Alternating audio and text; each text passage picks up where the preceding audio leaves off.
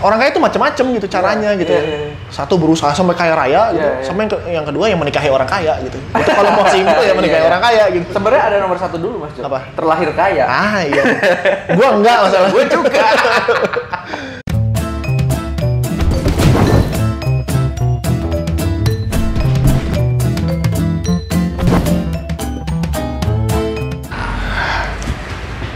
Tamu kantor podcast balik lagi hari ini kita sudah kedatangan Mas Jo Yanuar.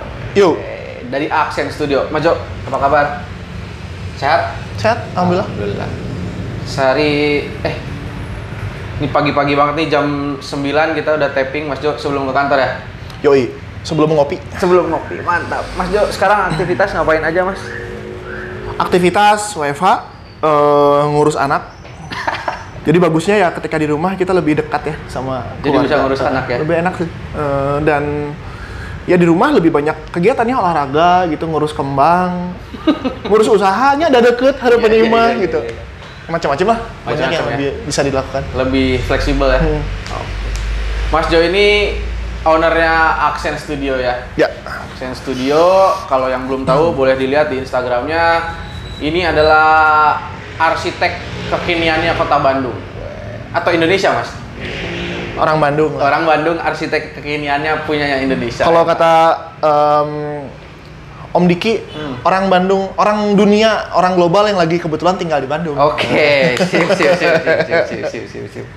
Kalau dilihat di Instagramnya atau misalkan kita udah kenal dekat sama Mas Jo ini sering ngobrol kita uh, pasti akan sering ngelihat Mas Jo ini arsitek yang eh, pergerakannya tuh nggak biasa-biasa aja Mas Jo kalau gue bilang, karena sering ikut award ke luar negeri segala macam gitu-gitu. Muncupang mah lingas lah gitu ya. Lingas, lingas. Mun motor oke lingas berarti teh. Arsitek yang lingas. Lingas cari di Google apa artinya kalau nggak ngerti. Bukan engas, bukan lingas. Bukan, bukan. Mas Jo kenapa pengen jadi arsitek sih? Emang cita-cita? Enggak. Kenapa? Em, karena dulu waktu SMA ya, Hmm. Saya tuh bisa dibilang nggak punya tujuannya seperti anak muda Ya, pada zamannya lah ya. betul. Eh mana kuliah naon? Aing baheula nya waktu zaman orang yang paling diminati adalah teknik di ITB. Hmm. Baring tinya, baring yang ternyaho teh yang teknik di ITB itu apa ya? Liur, Ternyaho, teknik naon ternyaho gitu. Dan ketika ditanya mau jadi apa juga nggak Bingung. tahu gitu. Nah, tapi pada satu saat orang teh lagi suka-sukanya ngegambar. Oke. Waktu zaman dahulu eh, orang suka anim, Evangelion teh geuning kan. Ah. Suka gambar gitu. Terus kata guru atau teman-teman, "Mah ini mah cocoknya jadi seniman, Bro." Oke. Wah, kumaha teh emang aya duitna cek urang teh. Oh, ada banyak pelukis gitu ya. Pemain band ini segala seniman. Oh, yaudah deh. Orang punya mimpi untuk jadi eh, desainer atau seniman. Hmm. Itu hamin sebulan Masuk kuliah. testing di ITB, FSD ITB. Les segalanya di KSMSR. Hmm. Pas hari H na pengumuman teu diterima.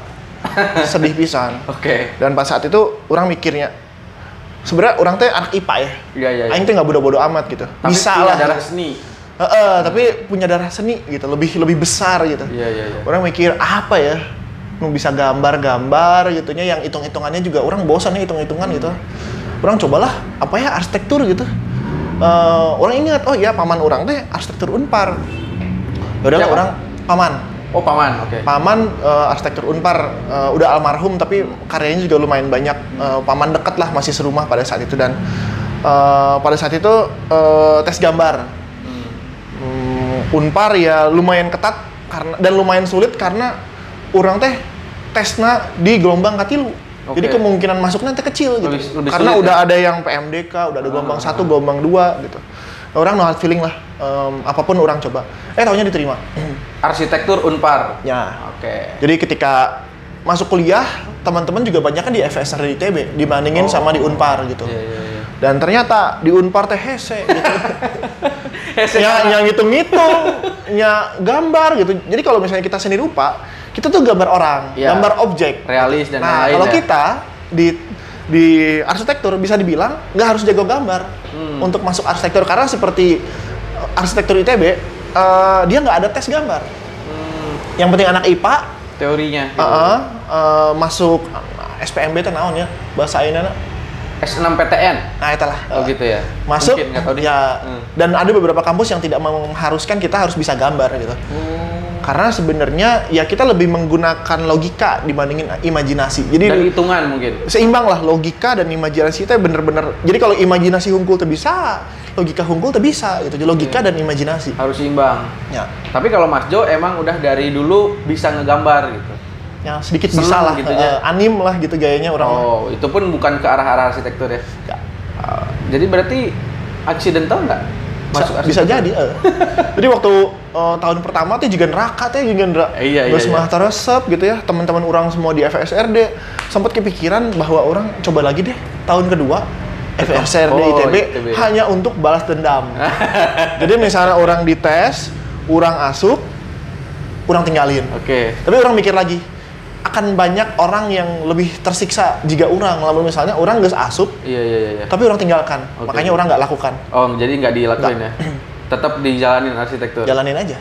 Oke oke oke. oke. Barijung IPK Unpar nyahonya. Eh. Nah, gitu. Jadi sampai mikir gitu, ah itu bener tuh sih kuliah di itu gitu. Iya iya iya iya. iya. Arsitektur itu berkarirnya gimana sih? Arsitektur itu seperti dokter, keprofesian. Hmm. Juga dokter, pengacara, psikolog, Iya iya iya. psikiater. Jadi setelah kita lulus kuliah, ada namanya pendidikan keprofesian. Hmm. Di sana kita belajar kode etik, belajar undang-undang, ya belajar macam-macam yang Oh, terkait gitu-gitunya dengan ya? Iya, karena ya kita berhubungan dengan keselamatan dan nyawa orang gitu. Oke. Beda sama desainer yang yang mungkin sampai sekarang tidak ada pendidikan keprofesian ya. Karena kita sebagai orang yang karyanya kelihatan gitu ya. Ini kan hubungannya sama sama nyawa. Contohnya ketika ada gempa bumi ya ruko, tilu lantai rubuh. Yang membunuh kita tuh bukan gempa bumi tapi bangunan yang nimpa Iya. kita. Nah, makanya kita bikin gimana cara supaya bangunan itu fireproof, gempa proof gitu ya. Keselamatannya gimana kalau misalnya ada hal-hal darurat gitu dan itu yang diajarkan. Terus eh, kerja di mana setelah em, Lulus? lulus itu kerjaan pertama adalah di Urbane alias kantornya Kang Emil. Kang Emil, oke. Itu selama tiga tahun dan di sana saya belajar networking yang paling penting. Oke. Karena pada saat itu saya divisinya Ini adalah anjir loba eh Eh, bener. eh. Ini nih. Networking. Networking. Network is the king. Network is the king, betul betul betul. Em, di sana saya belajar dari sosok leader yang sangat lengkap lah ilmunya. Udah gitu. dipimpin Kang Emil langsung waktu itu juga. Iya betul. Saya teh boga road king, Hmm. ya eh, olahragana kenceng, Siapa? Pak Emil bro. Oh, udah senang motor dari dulu berarti. Rocking paper tiba heula bro. Edan asli. Mau diundang kan nanti? Heeh, kudu atuh. Eh, sosok ideal banget leader yang ideal mencuk urang.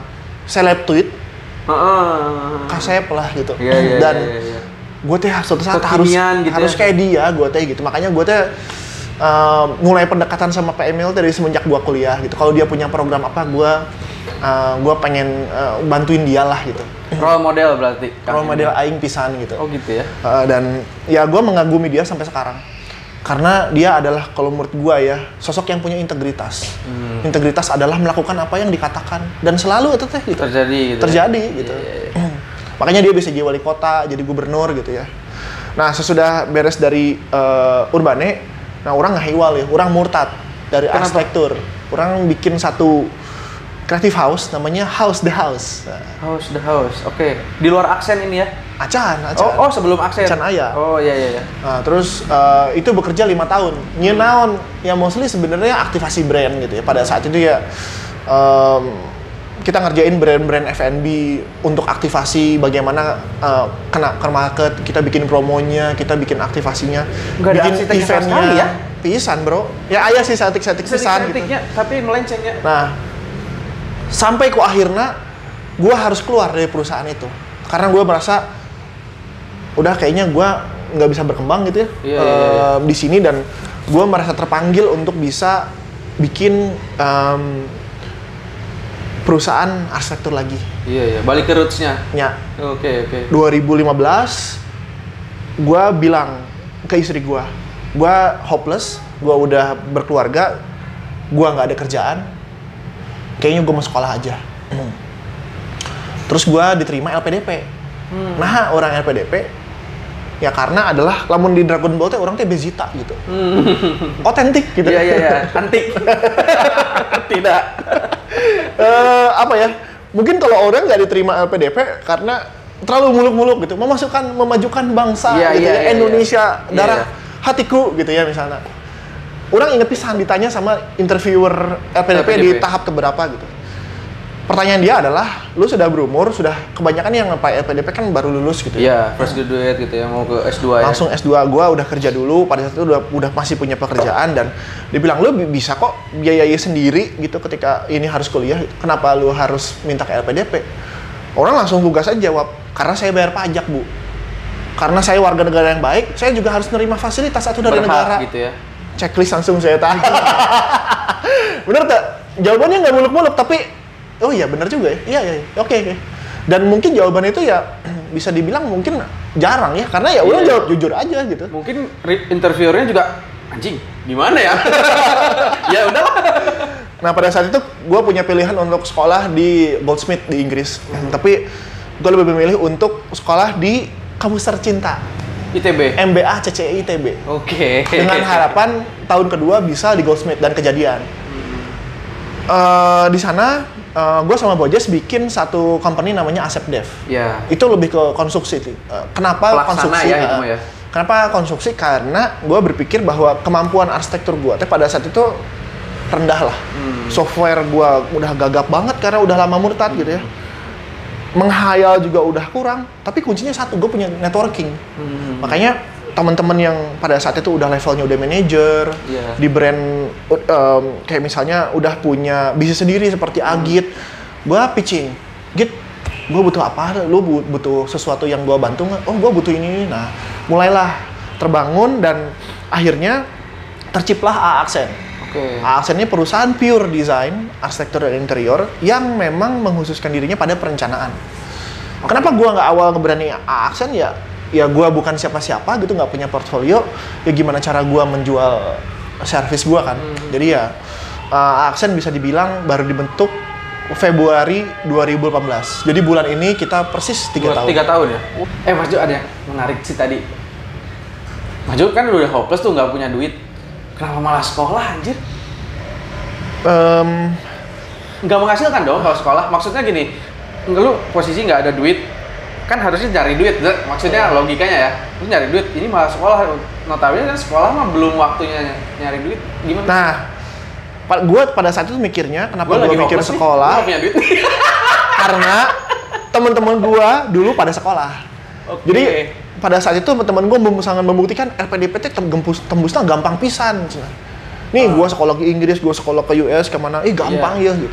Terus gua duit juga mikir, gimana? apa? Terus duit lu gimana? Kan kalau LPDP itu ada namanya eh namanya family o FA, family allowance yang mau salah. Iya. Family allowance dan living allowance.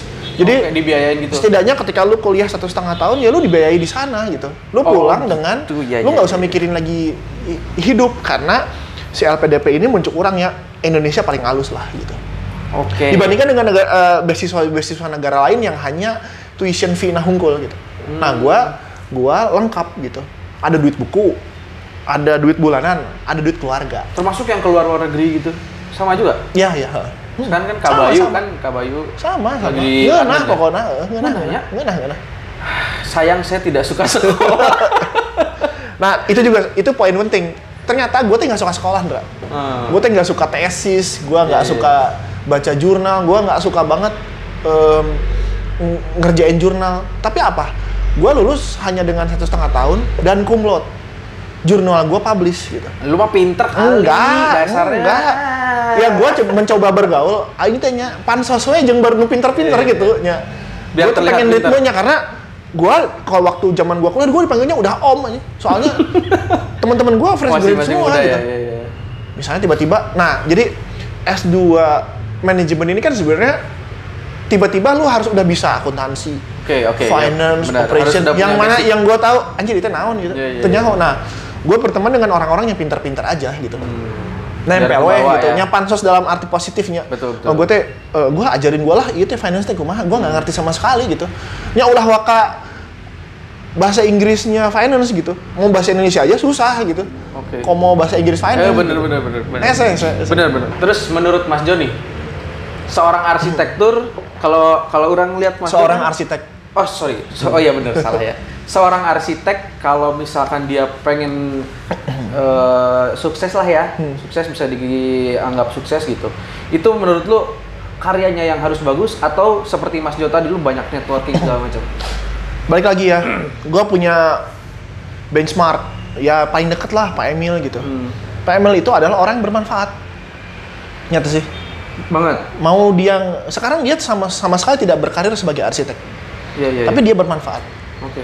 Jadi kalau menurut gua, apa pun profesinya, atau lo memutuskan kayak misalnya gua murtad dari arsitektur, gua bener-bener into society. Ya kalau menurut gua ke- kadar manusia itu adalah kebermanfaatan nih gitu. Ada dua quotes yang gue pegang enggak. Satu Al-Baqarah ayat 21 dan 30 sama quotes dari Elon Musk. Nah betul. Gua bertanya ke Ustadz Agus, Ustadz, itu juga gua lagi down lah pada saat itu dan gua nanya, apa sih tujuan manusia itu ada gitu di dunia gitu? Dia cuma jawab dua dari Al-Baqarah katanya. Satu beribadah, yang kedua jadi khalifah, cina. Khalifah tenawan pemakmur bumi katanya. Udah tujuan cuma cuma itu gitu. Nggak nggak disebutkan kan lo harus jadi pedagang, harus jadi arsitek, nggak harus jadi apa. Yang penting bermanfaat aja. Umur lu pendek, ya umur lu harus bener-bener sangat faedah buat society gitu. Dan quotes yang kedua dari Elon Musk. Banyak orang sekarang pengen jadi orang kaya gitu ya. Tapi Wow. nggak tahu, ya kan? Nah, Oke. orang kaya itu macam-macam gitu caranya Iya, gitu ya. iya, iya. Satu berusaha sampai kaya raya gitu, Iya, iya. sama yang, ke- yang kedua yang menikahi orang kaya gitu. Itu kalau mau simpel ya menikahi Iya, iya. orang kaya gitu. Sebenarnya ada nomor satu dulu Mas Jo. Apa? Terlahir kaya. Ah iya. gua enggak masalah. Gue juga. Elon Musk bilang bahwa apa pun yang lo dapat, Hmm. mau itu value, impact, followers, duit katakanlah gitu ya. Itu setimpal dengan impact yang lo pecahkan. Ya. Itu yang gue pegang gitu. Mimpi lu mah harus melangit, tapi kaki lu tetap di kaki, tetap jalan gitu, lu tetap lari gitu, nggak boleh diem aja. Dan ketika lu bilang, tadi apa sih arsitek sukses? Iya maksud arsitek seorang arsitek untuk sukses dalam kearsitekkannya itu Hmm. harus benar-benar punya karya yang bagus atau harus punya networking yang bagus. Em, nah, itu dia. Arsitek yang baik adalah arsitek yang bermanfaat, balik lagi gitu. gue punya kecemasan gitu. Nggak selalu dia harus punya karya. Nggak. Karena menurut gua, Nur House gitu-gitu kan. Eh, Norhaus katakanlah ya, rumah yang aing ke pernah dibilang Zionis aing gara-gara ayah segitu eta. Ya itu kan artinya pers- itu kan persepsi bahwa muncul orang ya alus cek netizen iya goreng Belum gitu. tentu, ya. Nah, kalau gua gua nggak pernah menjadikan estetika itu jadi tujuan gitu. Azas manfaatnya aja bahwa Hmm. gue menciptakan Norhaus gara gara-gara rumah ini tuh nggak ada yang mau bangun gara-gara dijerogang gitu. Hmm. Nah, gue berpikir, oh kalau gitu sebenarnya kita cacah aja dulu bangunan di luar, kita bikin part by part, kayak asupkan hiji-hiji gitu. Nanti dirakit di Eh, dalam. kayak masukin motor dari luar gitu, Iya, iya, iya. dikerat, pecah-pecah. Ya kan Rakit kita nggak di harus ngelas segala ya, rakit aja gitu, Iya, iya, diempek gitu kan udah jadi gitu. Iya iya iya. Oke, oke, oke. Berarti mungkin ya tergantung si arsiteknya juga ya sudut Hmm. pandangnya dia pengen ke mana ya. Bukan berpikir kalau arsitek pengen sukses harus punya karya yang bagus, misalnya portofolionya udah pernah bikin apa, udah pernah bikin apa gitu ya. Enggak juga ya. Em, bikin apa, bikin apa itu ja- masuknya jam terbang. Hmm. Jadi makin lama lu membuat sesuatu, makin lama lu akan jadi spesialisasi kalau menurut gue. Bikin orang semakin trusted nggak? Semakin banget trust nggak? iya dong karena kalau menurut gua arsitektur itu adalah ruang ya kan? Bukan digital gitu. Jadi yang gua makin enak makin lama ber- berkarya makin makin kelihatan enak kok ruangannya gitu. Gua mah nggak pernah ngomongin bagus apa enggak ya enak gitu. Enak dipakai gitu. Mm. Oh. karena gua pernah ma- ma- masuk ke bangunan yang menurut gua biasa aja gitu. Hmm. Eh, tapi pas di dalam wah edan eh ngeunah pisan gitu. Bener ini teh arsitek emang berumur mah emang bener gitu halus gitu karena balik lagi bentuknya jelek tapi dalamnya wah gitu edan ya. gitu jadi ya kita punya kita punya kita punya selera estetika yang beda-beda tapi untuk fungsi pasti semuanya sama pengen enak gitu ya, fungsinya, Mm-mm. pengen bagus ya. ya Ya, ya, ya. Eh, Mas Jo tuh kan sering banget kalau gue lihat ya kayak ke London, ke Jepang, ke mana gitu, terus ikut award award gitu internasional. Itu karena apa sih Mas Jo? Karena Mas Hmm. Jo balik lagi di pertanyaan hampir sama kayak tadi. Karena emang karya Mas Jo ini antik gitu, Hmm. Eh, bagus, beda dari yang lain, atau karena Mas Jo punya networkingnya untuk masuk ke sana gitu. Ini kan Nggak, nanti eh. jadi referensi buat arsitek-arsitek muda juga nih. Jawabannya adalah karena gua pengen em, apa ya? Gua pengen sebenarnya karya gua itu karya gua sebagai orang Indonesia diakui Internasional. oleh internasional. Bukan berarti bahwa ya karya aing paling halus sebandung. Enggak, sebenarnya banyak bangunan yang bagus di Bandung. Cuma tiap arsitek beda-beda, Andra Hmm. kayak lu melihat misalnya si naon yang karena motor listrik teh karena Kuder. katalis Oh, katalis. itu arsitek jago namanya Julian Palapa yang bikin itu. nah desain thinkingnya sama sama gua sama arsitek bagaimana dia membuat sesuatu dari scratch gitu ya. Desain thinking oh kolaborasi sama Kamensky gitu ya. Bentuknya jadi alus pisan. Alus pisan gitu. Diakui di desain boom di media apa pun gitu. Jadi intinya sebenarnya dengan kita berkarya bagus ya siapa pun akan mengakui sih kalau menurut gua gitu. Tapi kenapa, kenapa Mas Jo bisa punya opportunity buat sampai ke mana-mana? tapi bukan itu tujuannya gitu. Menang kompetisi gitu ya pameran di mana. Ah, ah, ah. nggak itu itu itu menurut gua itu distraksi gitu dan jangan pernah jangan pernah eh, menganggap bahwa ketika gua pameran katakanlah kemarin di Tokyo pameran Iya. di Shanghai gitu itu bukan pencapaian gua gitu oh gitu ya? itu tuh sebenarnya sebagai validasi aja bahwa ini karya gua juga bisa kok orang Indonesia teh orang Bandung tehnya orang Kircon nya bisa ya pameran di situ gitu Iya, iya, iya. kalau gua aja di rumah Kircon gua bisa kenapa lu yang di Dago gitu atau rumah yang lebih proper Iya. nggak bisa, bro Oh, iya, nggak gitu. bisa ya. iya. Gitu. Gue tuh bikin rumah di Kircon dapat award gitu. Rumah di rumah di Pahlawan dapat award sedunia aja teh gitu. Iya, iya, iya, iya. Dengan segala keterbatasan gitu. Jadi gue membuktikan bahwa iya dengan gue segala keterbatasan bisa kok gitu. Ya gue lagi belajar integritas ini, eh, Andra. Untuk yang gue selalu tiap bangun pagi gue selalu bilang bahwa gue harus disiplin gitu. Disiplin itu adalah melakukan satu yang enggak yang terpaksa tapi harus gitu, Andra Iya. jika olahraga, Olahraga, jika betul. misalnya tadi Nda orang kudu yoga heula gitu. Sebenarnya orang juga nggak mau nggak mau amat, cuma Iya. ini baik buat badan orang. Iya, Jadi iya. orang harus disiplin. Harus memaksakan diri untuk itu Iya. ya. Jadi sesuatu yang mungkin kadang-kadang kita serba terpaksa gitu ya. Tapi jika sholat misalnya, Mhm. waktu gua SMA kuliah gitunya, gara-gara gua males gua nggak sholat aja gitu. Iya, iya. Tapi sekarang gua tes sholat gara-gara gua butuh. Iya, iya, iya. Jadi ya sekarang segala sesuatu yang mungkin pada saatnya pada awalnya gua nggak suka, jadi gua suka gitu. Mau yoga, olahraga lari katakanlah Hmm. gitunya.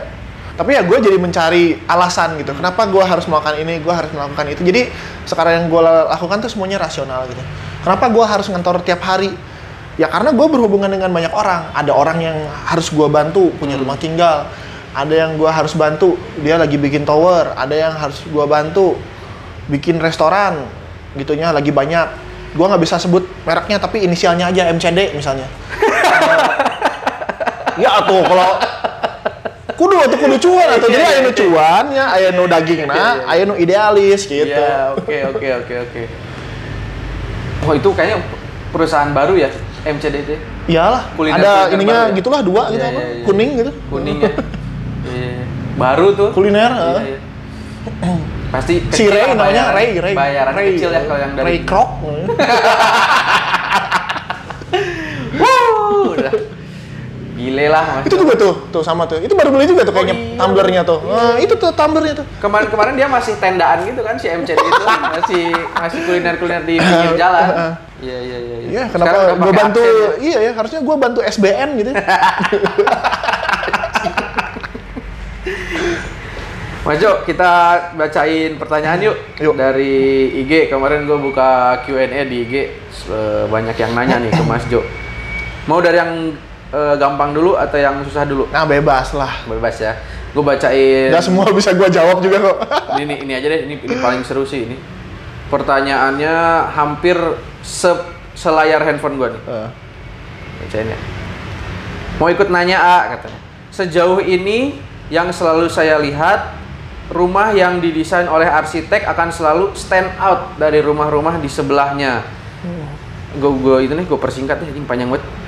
Bagi orang awam menurut saya bagi orang ayam seperti saya, bagaimana sih tugas arsitek menselaraskan antara bangunan satu dengan yang lainnya? Karena ada bangunan yang di gang, satu salah satu rumahnya itu pakai jasa arsitek dan bagus mencolok sendiri. Nyepet aing itu mah. Itu emang sengaja dibuat kayak gitu supaya terlihat bagus sendiri atau itu arsiteknya nggak bisa menselaraskan dengan bangunan-bangunan di sekitarnya. Mohon maaf bahasanya membingungkan karena saya nggak pandai ngomong. Oke. Oke, Tuh. karena itu punya pertanyaan nyepet aing, jadi aing jawab secara personal aja ya. Em, kenapa Norhouse kita buat agak beda Hmm. dengan bangunan-bangunan yang sekitarnya gitu? Pertanyaan gua adalah, emang bangunan yang layaknya harusnya layak tuh seperti apa sih gitu? Apakah dengan batu bata, atap genteng gitu ya, catnya ejo gitu, Hmm. seperti itu gitu? Kan Standarnya kita nggak tahu ya. nggak ada. Nggak ada nah, ya? gua membuat bangunan dengan standar yang menurut gua Oke. dan klien layak gitu. Oke, ya ya ya ya. ya. Gue pakai AC Grand, um, Ejot pakai Supra, gue pakai Harley boleh nggak? Boleh. Kenapa? Ya bebas lah. Eh, gimana gua kan? Nah. Oh, iya iya. Artinya bahwa itu sebenarnya adalah satu pilihan. Mungkin gue bilang, Ndra, Grand tuh bagus ya Ndra ya. Cuma kalau jarak jauh, hese mengkolna bro. Hmm. Gua mah pakai Harley gara-gara gue tiap hari touring ya gitu.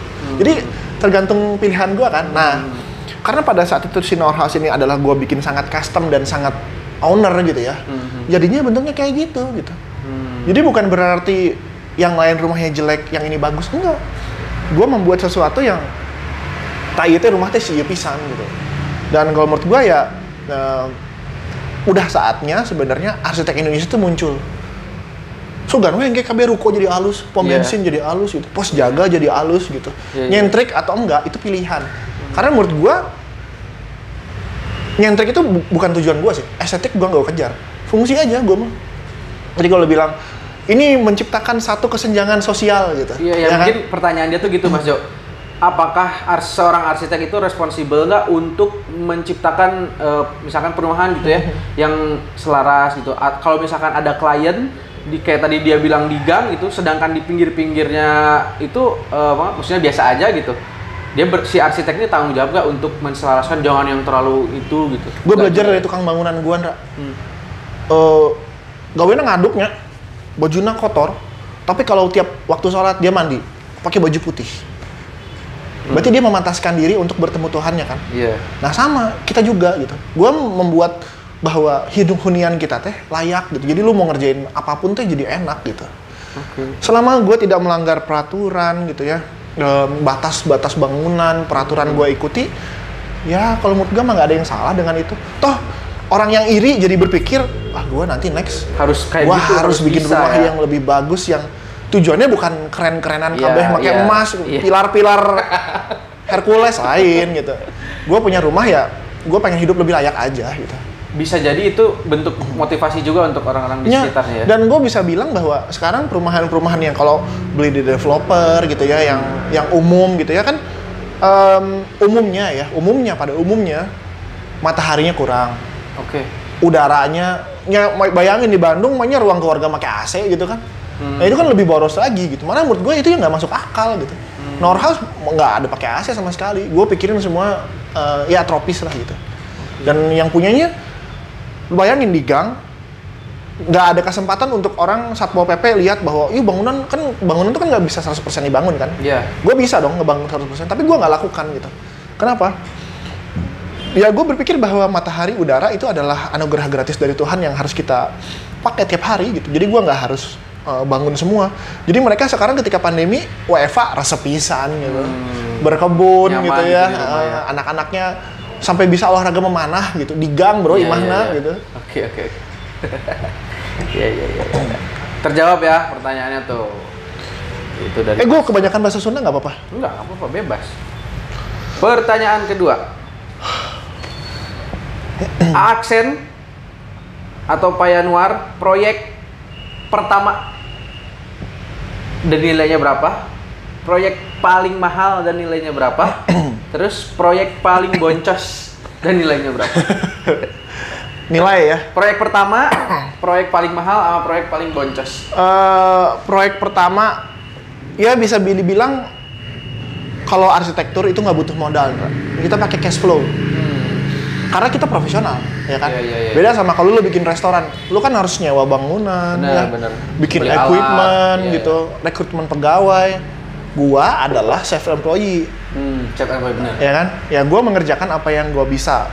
Di tahun 2016 itu awal banget, project lumayan besar, ngebangun cafe namanya White Clover sama Raker Park di Raker Jalan Cipto. Raker Park tahu. Nilai Ini, projectnya eh, pertama berarti nih, project pertama yang komersial berarti. Ya, per- pertama langsung komersial alhamdulillah.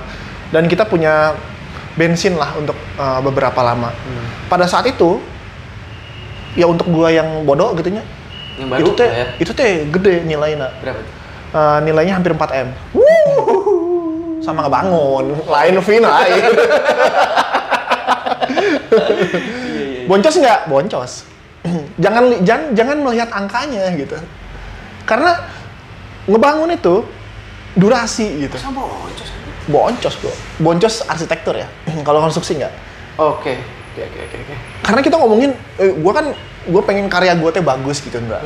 Gue pengen maksimal ngerjain segala sesuatunya, detail-detailnya dipikirin gitu ya. Terus gue juga bilang, oh ini tempat bakal jadi halus bukan gara-gara arsitektur, tapi aktivitasnya gitu. Kita punya area outdoor yang luas, area indoornya enak, kita bikinin area roastingnya, dapurnya, sirkulasinya semuanya rem manusiawi lah. Cuma gue terlalu banyak ngulik gitu, Ndra. Jadi gue self employee bisa boncos aneh deh. ya kan hitungnya berapa lama tuh ngerjain Alila setahun lebih. Oh, gitu ya. Mm-mm. gitu terus itu yang itu yang lumayan besar itu awal lah Ini itu proyek awal pertama apa tadi proyek pertama katanya. Eh. Proyek pertama itu. Proyek yang paling gede paling gede sampai sekarang mungkin. Bro. yang yang nggak dibayar juga ada Yang paling gede, yang paling gede, yang paling mahal. Proyek paling besar aksen sejauh ini yang M bukan? Karena Warung gua- M itu bukan? Warung makan M itu. ah, iya kalau itu gua nggak bisa bilang karena itu Nilainya jangan sama- dibilang, tapi itu ya yang paling besar. Ya. Weh, warung makan M. Kayaknya ada di perempatan-perempatan. yang ketiga proyek yang paling boncos.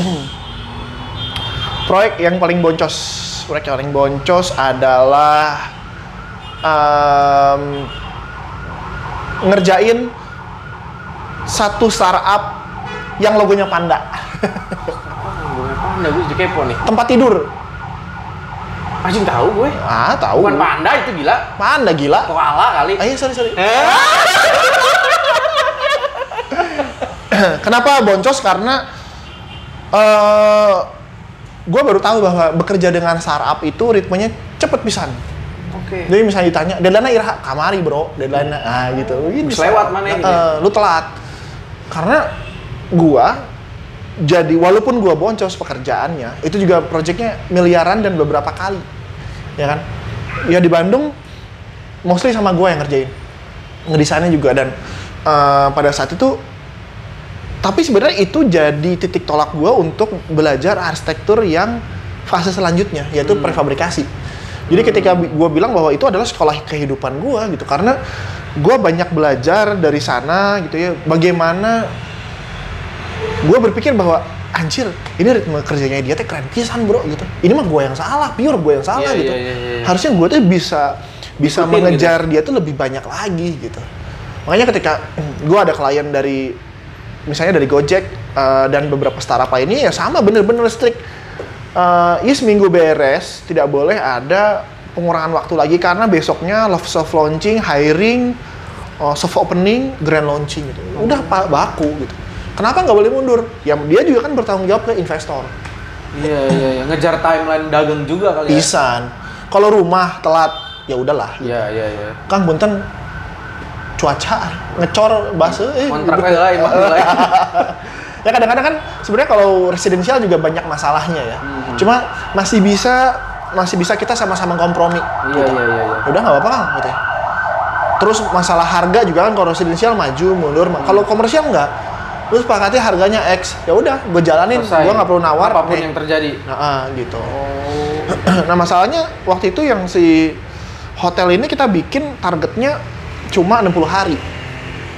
Merubah satu bangunan besar, bekas kantor, convert jadi hotel dalam Iya, waktu 60 kapsul, hari. ya, hotel kapsul. ya kita molor sekitar 30 hari.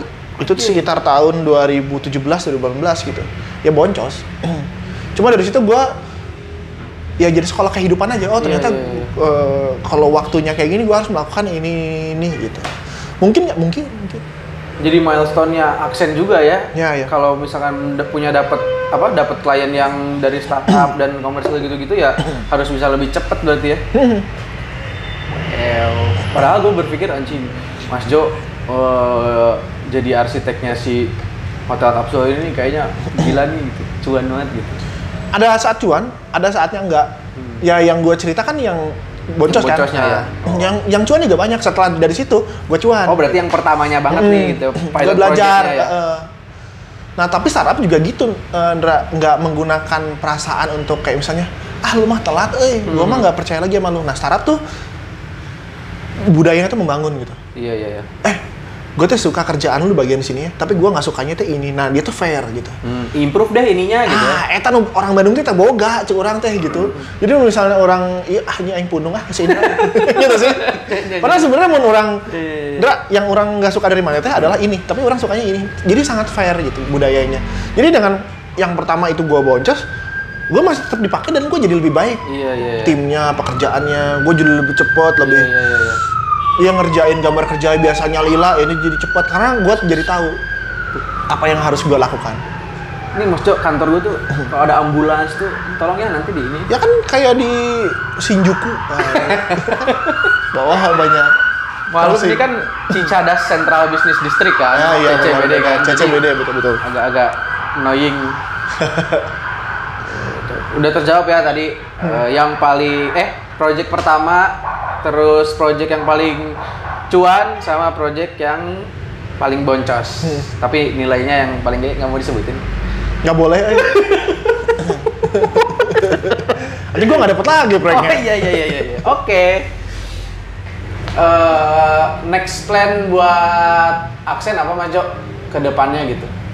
Tadi ada itu ya, eh, aksen itu apa sih yang suka bikin di Jawa itu Mas Jo yang kayak kayu-kayu yang di pabrik Ah ya itu? Prefabrikasi. namanya?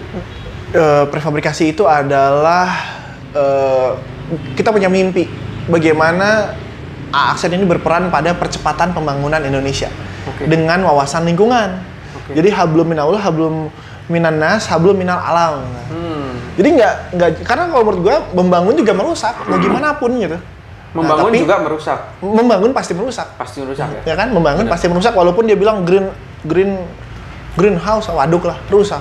Waduknya, Ah, waduk. karena pasti ada yang ditebang dan lain-lain ya. Tapi Oke, terus? bagaimana caranya supaya sedikit men- sedikit mungkin merusak gitu ya tetap kita menjaga alam dengan adanya kita di sana membangun sesuatu gitu dan uh, prefabrikasi ini sebenarnya karena gue suka otomotif ya Hmm. gue banyak melihat sesuatu dari otomotif waktu kecil gue suka banget pesawat Hmm. waktu gue SMA gue sadar bahwa tidak ada satu komponen pun di pesawat yang tidak terstandarisasi Oke, Ya, detail semua ya. nggak mungkin pesawat nyuna di HRS gitu nggak nggak mungkin Iya, iya, iya. jadi mau baut kaca eh, lis-lisan gitu ya cat semuanya ada standarnya Hmm. kenapa untuk meminimalisir resiko bangunan yang gua buat beberapa itu melalui standarisasi yang ketat salah satunya hotel tadi gue bikin part by part jadi kayak lamun sekarang kalau kita bilang bang- pembangunan konvensional kita dibuat dari beton, semen, Ya. ngadukna kumaha emberna sakieu, pasirna, semennya segini, cainanya ya seginilah kira-kira Hmm. gitu. Salah nggak salah? Kita sudah sangat jauh bergeser dari budaya kita gitu. Budaya apa? Valentine buda- bukan budaya kita. Budaya kita adalah arsitektur prefabrikasi. Anjing. Iya, iya. Jadi kalau misalnya teman-teman menyadari ya, Indonesia itu adalah supermarket bencana. Kabeh aya. Benar, benar. Ya, ada semua. So mau sebut apa aja yang nggak ada, Ada. cuma Godzilla nggak ada. ada di situ kayak eueuh anjing. Nah, tadi malam gua ngobrol di Clubhouse ya, aplikasi anyar ya, Iya, iya, Indra. iya. sama orang Jepang. Kemarin lagi viral di Jepang. Ini gua lagi sholat, lu ngevideoin gua lagi sholat, gempa bro. Hmm. Ente eureun sholatnya sholat we tapi sebenarnya gitu tah. Artinya apa? Dia percaya Iya, iya, iya. pada kualitas bangunan, standarisasi gitu ya. Padahal gempanya 7,1 skala Mungkin Richter. ini kali bro, ah gue kalau mati lagi sholat gue ini kali apa namanya husnul khotimah Ya lu, gitu. lu video lompat kan, itu hanya kalem aja kita balik kita. Oh. Eh, Karena percaya sama bangunannya ya. di Indonesia apa yang terjadi? Langsung hybrid gitu. Mungkin di, di tangga orang ketimpa tangga dari meren gitu ya. Hmm. Nah, kalau di sana enggak gitu. Dan gua masih merasa bahwa gue sebagai arsitek masih banyak PR eh di Indonesia gitu. Dan gue berharap umur gue panjang, tim gue kuat-kuat gitu ya. Gue bisa menularkan semangat ini supaya teman-teman juga sadar bahwa dari zaman dulu Indonesia teh ngomongin bangunan teh modular bro gitu. Contohnya apa? Joglo gitu. Iya iya. Lo mau bikin joglo di Arca Manik, mau di mana? Dari dari Solo gitu ya, dari Klaten. Dengan cara apa? Dikirimnya pakai truk. Direcahnya. Direcah kabeh. Ya, nepi ka genteng-genteng direcah. Iya, iya. Nyampe sini dibangun lagi dalam waktu dua minggu, tiga minggu. Berarti lu mau mengulang heritage itu untuk rumah Kita modern. punya local wisdom yang sangat jero pisan. Hmm. Jero itu dalam. Uh, jero, betul. Oke, terus. Gue tidak bisa bilang bahwa Indonesia modern baru berapa tahun sih? 70 tahun? Eh, 100 tahun gitu. Sedangkan joglo mungkin sudah ribuan tahun lalu gitu. Jadi kenapa nggak kita belajar dari masa lalu mengerjakan untuk masa depan gitu? Hmm. Itu emang nggak terbukti weh gitu. Kayak kemarin Lombok Lombok gede eh, gempanya gede pisan gitu.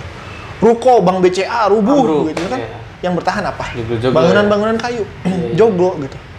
Karena mereka sudah belajar bahwa mungkin baheulana nyieun pakai semen oge atau batu gitu. Hmm. Wah, rugrug euy gitu. Ya udahlah kita bikin pakai kayu. Bangunannya bukan tidak rusak, rusak gitu. Tapi dibenerinnya part by part gitu. Iya iya iya iya. iya. Oh swing armnya rusak ya? Iya, iya. Ya, ganti Swing swing armnya doang yang diganti ya. Iya foraknya rusak ya, Ohlins ya. ganti jeung Ohlins Iya, deh gitu. Berarti si apa tadi preva Prefabrikasi. prefabrikasi itu membuat rumah dalam bentuk terpecah-pecah gitu ya. Maksud Eh, intinya tujuannya adalah gitu bagaimana bangunan ini memiliki- standar yang baik. memiliki standarnya. Hmm. Karena akhirnya kieu. Em, kita mau ngebangun ruko misalnya. Yang dikeluarin RAB eh, sama orang sipil itu adalah ancer-ancer, nggak pasti. Pasti. Bisa iya. dibilang 500 juta. Waktunya berapa lama? Hmm. Eh, Tiga bulan. tiga bulan gitu. Itu bisa jadi lima bulan dan 600 juta sebenarnya. Hmm. Kalau gua nggak, lu kalau beli bangunan ke gua kayak beli mobil gitu. Iya iya iya. Rek Avanza tipe naon? Tipe G, Hmm. tipe L, tipe G berapa? 100 juta. Hmm. Ya nggak 100 juta gitu. Nggak ada penambahan waktu, tidak ada pen- karena orang geus nyieun heula Iya. di pabrik. Gitu. Standarisasinya, proses perakitannya dan lain-lain gitu-gitu ya. Ya. Oh. iya. Nah, inilah yang inilah yang membuat gua jadi seru belajar gitu. Karena Hmm. di tiap ketidaksukaan gua teh harus gua mencari sesuatu yang yang gua sukai gitu. Hmm. Contoh Majo, gue mau nanya satu hal lagi deh. ya. Eh, ini tapi lebih ke personal Mas Jo sih. Yang gue tahu arsitek itu, eh, terutama di Bandung ya, proyek itu senangnya tuh Landy, Land Rover. Kenapa anda lebih menyukai motor? Sampai ada namanya ya. IALRC Indonesian Architect Land Rover Community. Iya iya itu gue tahu maksudnya kan gue juga seneng Jo Land Rover itu. Nah, Keren, terus, keren, Terus keren. dia, anjing kok ini arsitek ini arsitek gitu. Sampai ketemu waktu itu Instagramnya anjing ini memang bener ternyata nih arsitek-arsitek ini pada main Landy kok temen gue mainnya malah motor ya sampai ke Bali beliau dan yang anehnya di Bali tuker motor Sugan tunggal tuker lendi gitu nya. Dan tuker Landy gitu Gua nggak gua nggak bisa bilang enggak gitu ya. Gua suka semua gitu ya. Jadi ketika kemarin eh, Inggris, Amerika, Harley, Triumph nyamun boga duit yang beli wae dua dua-duanya, iya, Susah iya. amat gitu. Gua mah kelebihannya Triumph kieu gitu nya Harley mah kieu gitu. Udah beda gitu, dan Iya, semua iya. juga enak. Nah, terkait sama kenapa gua lebih memilih Harley?